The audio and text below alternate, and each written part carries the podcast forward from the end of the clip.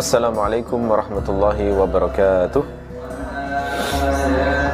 الحمد لله رب العالمين والصلاة والسلام على سيد المرسلين وإمام المتقين وعلى آله وصحبه ومن تبعه بإحسان إلى يوم الدين.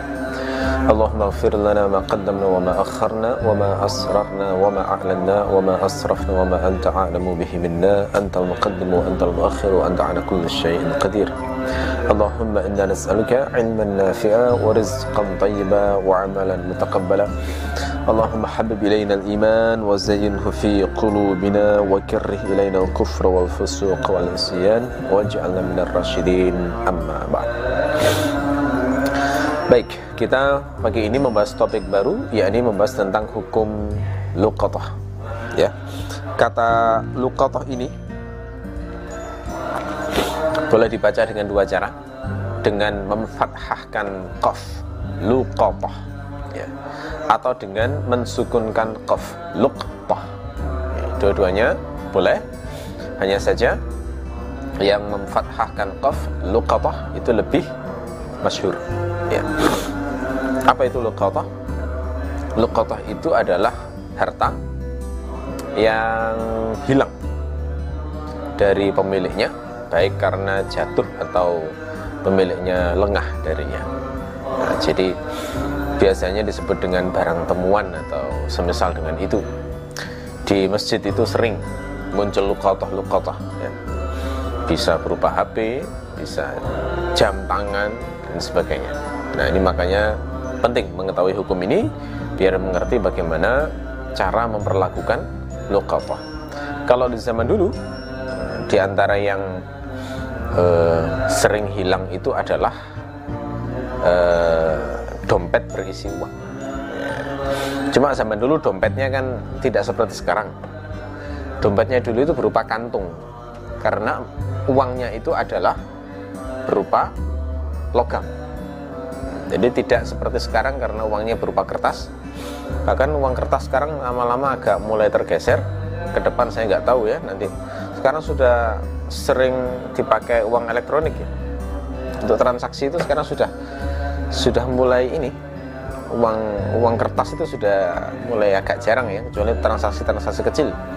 Orang sudah merasa lebih praktis sudah memakai uang elektronik sehingga tidak perlu repot-repot untuk menjaganya dan tidak khawatir dicuri orang ya. Nah, begitu. sehingga orang hari ini eh, bentuk dompetnya hanya untuk mengisi kertas atau kartu-kartu gitu saja. nah, eh,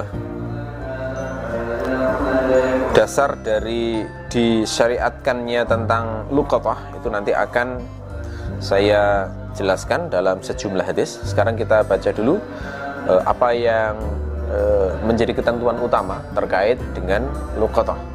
Abu Suja menulis, "Wa idza wajada luqatatan fi mawatin aw tariqin falahu akhdhuha aw tarkuha." Jika seseorang menemukan barang temuan di tanah mati atau di sebuah jalan maka dia boleh mengambilnya atau meninggalkannya jadi barang temuan itu tidak wajib diambil diambil boleh tidak diambil juga tidak ada celaan. Tetapi wa akhdhuha aula min tarkiha in kana ala thiqatin min al-qiyami biha. Tetapi mengambilnya itu lebih utama daripada meninggalkannya. Jika dia percaya bisa mengurusnya. Gitu ya. Jadi pembahasannya hanya mana yang lebih afdol gitu aja. Jadi nggak sampai wajib memang mengambil mengambil barang temuan itu. Kalau khawatir dirinya nggak amanah menjaga itu mending nggak usah diambil karena malah dosa menyanyiakan amanah.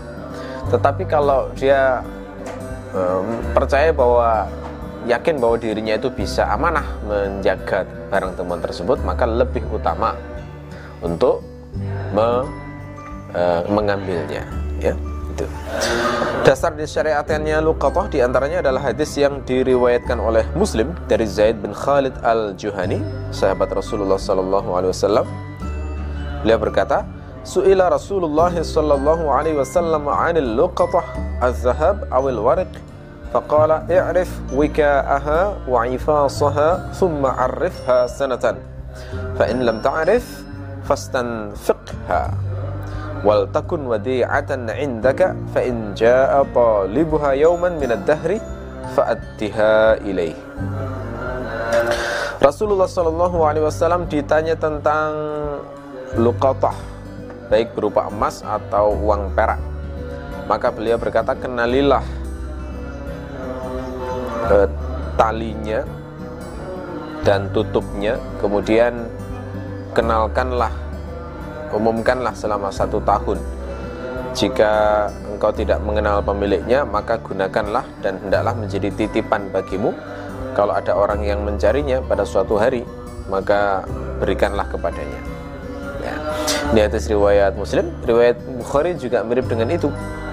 Dari Salamah beliau mendengar Suwaid bin Ghafalah. Beliau berkata laqitu Ubay bin Ka'ab radhiyallahu anhu faqala akhadtu surrata مئة دينار فآتيت النبي صلى الله عليه وسلم فقال عرفها حولا فعرفتها حولا فلم أجد من يعرفها ثم أتيته فقال عرفها حولا فعرفتها فلم أجد ثم أتيته ثلاثا فقال احفظ وعاءها وعددها ووكاءها فإن جاء صاحبها وإلا فاستمتع بها فاستمتعت فلقيته بعد بمكة.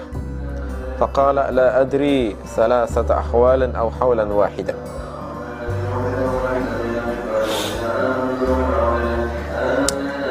Aku mendatangi Ubay bin Ka'ab radhiyallahu anhu beliau berkata, aku mengambil sekantong uh, bungkus uh, sekantong uang yang berisi lim 100 dinar. Maka aku mendatangi Nabi Shallallahu Alaihi Wasallam, lalu beliau berkata, umumkanlah selama satu tahun. Maka aku mengumumkan selama satu tahun dan aku tidak mendapati orang yang mengenalnya. Kemudian aku mendatangi lagi beliau, maka beliau berkata, kenalkanlah lagi, umumkanlah lagi selama satu tahun. Maka aku mengumumkannya, tapi aku tidak mendapati orang yang mengenalnya. Aku mendatangi lagi beliau untuk ketiga kalinya, maka beliau bersabda, e, jagalah bejananya, jumlahnya, dan talinya. Kalau pemiliknya datang, maka serahkan. Kalau tidak, maka manfaatkan. Maka aku pun memanfaatkannya. Kemudian aku, yakni Suwaid bin Khafalah mendatanginya lagi di Mekah. Maka beliau berkata, aku tidak tahu tiga tahun atau hanya satu tahun. Ya, ini ya. Jadi berdasarkan dua hadis ini, pertama hadisnya Zaid bin Khalid al-Juhani, kemudian hadisnya Ubay bin Kaab tentang bagaimana cara memperlakukan barang temuan ini, maka digalilah oleh para ulama tentang hukum-hukum terkait dengan barang temuan. Lalu kemudian Abu Suja berkata, "Wa idza akhadhaha wajaba alaihi an ya'rifa sittata asya." Kalau dia mengambilnya, maka wajib baginya untuk mengenali enam perkara. Ya. Jadi kalau kalau memutuskan untuk mengambil barang temuan itu, maka menjadi wajib untuk mengenali enam hal. Ini ini dimaksudkan untuk biar ini biar tahu identitas dari barang temuan tersebut sehingga ketika nanti ada orang yang mendatanginya itu kemudian mengaku sebagai pemiliknya, dia bisa mencocokkan apakah benar sesuai dengan deskripsi eh, fakta dari barang tersebut. Karena kalau nggak begitu kan khawatirnya nanti ngaku-ngaku orang ya. Khawatirnya begitu. Makanya eh, kasus barang temuan itu biasanya kan ditanya dulu. Misalnya eh, jam saya ketinggalan di sini. Coba terangkan bagaimana deskripsinya. Mereknya misalnya ya. Mereknya kemudian eh, warnanya ya modelnya dan sebagainya. Dengan begitu dicocokkan. Kalau cocok maka bisa diduga kuat. Memang dia adalah pemiliknya. Nah di sini enam hal di sini itu mengasumsikan barang yang hilang ini adalah eh, dompet masa lalu gitu ya. Dompet masa lalu. Ini yang diasumsikan adalah kantung yang berisi uang itu tadi. Nah, karena enam hal ini nggak mungkin dipraktekkan pada kasus yang hilang itu adalah unta misalnya. Nggak bisa. Jadi ini ini yang dimaksud adalah uh, ruhnya dari dari enam hal ini adalah mengenali secara detail barang yang ditemukan. Begitu mananya ya itu apa saja enam hal itu? Yang pertama wi'a'aha bejananya. Ya ini maksudnya dikenali. Itu terbuat dari kain atau terbuat dari kulit misalnya. Jadi karena kantong uang bisa terbuat dari kain bisa terbuat dari kulit. Ya. Kalau misalnya dompet zaman sekarang bisa juga apakah dari kulit ataukah dari kain ya. Beda juga itu. Dari kalep misalnya. Zaman sekarang kan ada gitu ya dompet bisa dari bisa dari kain dari kulit atau dari kalep atau dari bahan-bahan lain yang yang kita tidak tahu. Yang kedua adalah wa'ifasoha ifas itu makna bahasanya tutup botol. Jadi tutupnya penguncinya apa? Gitu ya berupa apa penutupnya? Penutupnya gitu ya? Penutup dari bejana tersebut. Kemudian yang ketiga adalah wawika aha ya wika itu talinya. Tali untuk menutup itu. Jadi eh, dompet masa lalu itu berbentuk apa ya kantong untuk menyimpan pundi-pundi itu dan itu ada talinya. Begitu dan karena seperti itu maka tidak mungkin kalau uangnya banyak itu dibawa ke mana-mana tidak mungkin tidak praktis. Nah biasanya ditinggal di rumah. Nah yang menjaga istrinya gitu ya. Makanya zaman dulu itu termasuk kriteria istri solehah itu ketika suami pergi istrinya itu menjaga hartanya. Karena istri punya punya kuasa penuh untuk me, menggunakan harta tersebut tanpa sepengetahuan suaminya maka ada kriteria itu istri yang baik adalah yang amanah menjaga suami. Ya. Sama sekarang kan kayak gitu itu hampir tidak diperlukan ya karena ada ATM ya. Meskipun ditinggal kan ya sudah. Kan tetap terjaga wong pinnya di suami kan ya. Istri nggak tahu juga tidak masalah. Berarti amanahnya di di yang semakna dengan masa lalu bukan bukan yang sekarang ini kecuali memang sang suami termasuk uh, uh, ultra konservatif misalnya. Anti ATM misalnya. Sehingga uangnya cash pokoknya semuanya cash. Ya sehingga uh, tetap tetap disimpan di rumah ya di bawah bantal atau di diletakkan di lemari atau apa. Berarti tetap berlaku lagi ya itu. Kriteria istri solehah yang bisa menjaga harta uh, suaminya. Nabi itu sampai mengajarkan satu hadis khusus karena ngetes ke amanahan dari istri itu ya seorang istri yang bersedekah memakai harta suami maka itu tidak berpahala. Kalau tanpa izin ya, tidak boleh. Ya karena itu adalah miliknya suami jadi harus harus di, dikembalikan ya begitu. Itu wika wika itu talinya ya tali tali penutupnya. Kemudian wajin saha jenis jenis lukotohnya itu apa? Apakah berupa uang emas atau berupa uang perak? Itu harus jelas. Ya kemudian yang kelima wa adadah jumlahnya. Jumlahnya berapa? 100 dinar 123 dinar 60 dinar 400 dirham. Itu itu jumlahnya wa waznaha dan bobotnya. Kenapa? Karena memang mata uang itu zaman dulu di eh, apa di samping jumlah tapi juga di eh, kadang-kadang eh, itu memakai standar bobotnya. Istilah miskol itu eh, merujuk pada bobot dari mata uang itu beratnya berapa. Ada ditimbang. Jadi enam hal ini dimaksudkan untuk mengenal lukatoh itu supaya nanti kalau ada orang yang datang bisa dicocokkan apakah sesuai dengan deskripsi yang ia sampaikan dengan barang yang ia temukan itu. fi hirzi dan menyimpannya pada tempat penyimpanan yang semisal dengannya. Ya, hirzun itu tempat penyimpanan. Tempat penyimpanan yang aman biar tidak diambil oleh siapa pun. Jadi orang mengambil kotoh itu kan konsepnya seperti orang yang dititipi amanah amanah bagi dia. Seperti orang dititipi sehingga dia harus menyimpannya di tempat yang aman. Seperti pemilik menyimpan uh, barang semisal ini di tempat yang aman juga begitu ya. Summa idza arada tamallukaha kemudian jika ingin memilikinya nah, berarti berarti lukotah itu boleh dimiliki ya. Jadi memang orang mengambil lukotah itu juga ada di samping niat menolong juga ada niat untuk memilikinya.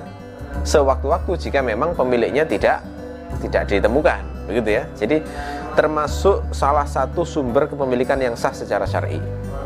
Ya tidak masalah jadi ada ada barang diambil. Karena zaman dulu itu kadang-kadang temuannya besar-besar. Seperti yang yang e, ditemukan oleh Ubay bin Kaab itu menemukan kantong uang berisi 100 dinar. Coba bayangkan. Satu dinar 2 juta loh sekarang kira-kira. Nah kalau 100 berapa? Kan sudah 200 juta kan? Eh bener ya 200 juta. 200 juta itu. 200 juta itu kan kalau untuk kontrak rumah berapa tahun itu? Coba. Kalau untuk beli rumah sudah dapat lah yang sederhana kalau zaman sekarang kan itu temuan zaman dulu besar-besar makanya kalau niatnya adalah tamalluk me memilikinya itu bisa dibenarkan secara syar'i memang asalkan memenuhi syarat-syarat dan ketentuan dalam penentuan lukatah itu gitu ya oke okay. Bagaimana ketentuannya? Jika dia ingin memilikinya arrafa hasanatan, maka dia harus mengenalkannya selama setahun. Maksudnya mengumumkannya supaya diketahui banyak orang, gitu ya. Selama satu tahun. Satu tahun di sini itu standarnya adalah hijriah. Jadi kalau menemukannya bulan sekarang misalnya bulan Maret, jangan Maretnya jadikan standar, tetapi rojabnya. Gitu ya. Terus ngitungnya sejak mana? Apakah sejak ditemukan atau sejak mengumumkannya? Jawabannya adalah sejak mengumumkannya. Jadi kalau nemukannya bulan Rojab, kemudian mengumumkannya bulan Ramadan, ya Ramadan itu baru dihitung satu tahunnya. Kalau nggak gitu orang curang nanti. Ya, ditemukan e, bulan Rojab, kemudian e, ngumumkannya biar anu ya, nggak terlalu diketahui orang, Muharram baru diumumkan. Itu kan curang ya nantinya kayak gitu. Jadi ngitungnya itu adalah saat mengumumkan. Jadi kalau mengumumkannya baru Muharram ya itu baru dihitung standar satu tahun itu. Terus untuk mengumumkannya itu juga tidak harus full setiap hari begitu enggak, enggak, enggak harus begitu. Yang jelas eh, ada upaya benar-benar orang berusaha mengumumkan masyarakat supaya diperkirakan orang yang yang tahu itu apa yang memilikinya itu kemungkinan bisa tahu. Jadi semangatnya harus karena takwa ya. Jadi bukan bukan hanya sekedar apa ya, bersiasat untuk biar biar mendapatkan harta tersebut. Ya. Jadi e, kalau kata Ibnu Qasim Al-Ghazi di Fathul Qari itu cara mengumumkannya itu bisa variasinya misalnya begini. Awal-awal ketika masih hangat umumkan dua kali sehari misalnya pagi sore. Ya pagi sore pagi sore gitu. Nanti setelah itu agak lama beberapa bulan kemudian cukup seminggu dua tiga kali nggak masalah. Jadi begitu. Tapi yang jelas yang jelas nggak harus tiap hari mengumumkan tidak. Jadi eh, semakin lama semakin jauh ketika ini semakin jarang tidak masalah. Tapi di awal-awal ketika masih hangat kemungkinan orang itu mencari masih kuat harus uh, agak sering. Jadi kalau sarannya Ibnu Qasim Al-Ghazi dua kali sehari itu pagi dan sore misalnya. Nah itu. Nah cara mengumumkannya juga harus dengan cara mengumumkan yang yang sesuai dengan umumnya orang mengumumkan. Jadi ya nggak boleh mengumumkan tapi ngomongnya yang didengar hanya dirinya sendiri. Ya, siapa yang tahu? Dirinya sendiri yang, yang siapa yang merasa kehilangan? Dirinya sendiri yang mendengarkan. Itu berarti ya belum memenuhi makna mengumumkan. Sama sekarang buat tulisan misalnya ya. Terus fontnya 7 misalnya dia nggak dengar orang nggak lihat orang ya. Orang lewat font 7 kan harus begini tuh untuk pakai pakai kaca pembesar jadinya. Jadi yang semacam ini tidak tidak bisa dibenarkan kalau cara mengumumkan begitu ya. Ya. Di mana mengumumkannya ala abwabil masajid di pintu-pintu masjid. Itu kan asumsinya adalah masjid itu tempat perkumpulan orang. Orang ketika kehilangan di area situ kemudian masuk ke dalam masjid kan ada kemungkinan dia itu adalah orang yang kehilangan itu. Maka sarannya di sini adalah diumumkan di pintu-pintu masjid. Wa fil maudhi'il wajadaha fihi di tempat yang ia menemukan barang temuan itu di situ kemungkinan orang mencarikan sekitar situ. Maka diumumkan juga di sekitar situ. Fa in lam yajid sahibaha. Nah ini. Saya kadang-kadang di sini tuh sempat mikir ya apakah yang semacam ini tuh masuk dalam urusan pemerintah. Bisa nggak misalnya diregulasikan pemerintah ada jawatan yang mengurusi barang hilang? Dengan sistem yang bagus gitu ya. Kalau gitu kan orang jadi tenang ya. Tapi memang membutuhkan kejujuran orang e, karena kalau misalnya ada barang hilang dilaporkan kemudian langsung dicatat deskripsinya dengan detail terus setiap pemilik itu kemudian bisa menunjukkan membuktikan bahwa dia adalah pemilik barang itu diserahkan maka itu lebih memudahkan masyarakat. Gitu. atau mungkin juga kah ini dijadikan bisnis? Misalnya. Gitu ya sekarang kan banyak aplikasi ini. Buat aplikasi penemu barang hilang.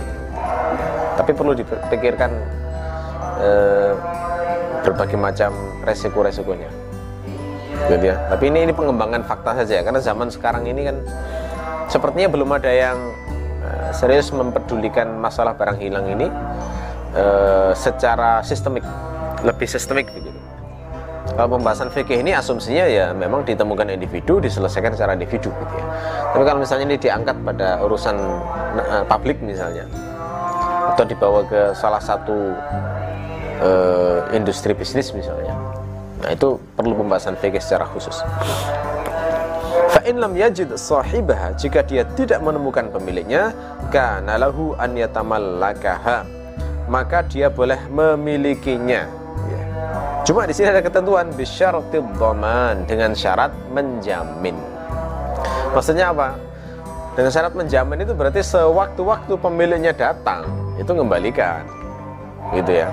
Jadi memilikinya itu bukan kemudian lepas tanggung jawab. Kalau suatu saat pemiliknya datang lalu ya sudah sudah tak habiskan kamu setahun dulu tidak eh, datang-datang. Uh, dan tidak begitu ya. Tapi sewaktu-waktu terbukti memang seseorang itu adalah pemiliknya maka uh, boleh apa dia harus mengembalikan yang sudah ia manfaatkan itu tadi. Gitu ya. Jadi lukotah itu memang konsepnya bukan untuk merugikan orang yang kehilangan bukan. Tetapi menolong. Boleh memanfaatkan tapi konteksnya adalah menolong sifatnya. Dalam Islam begitu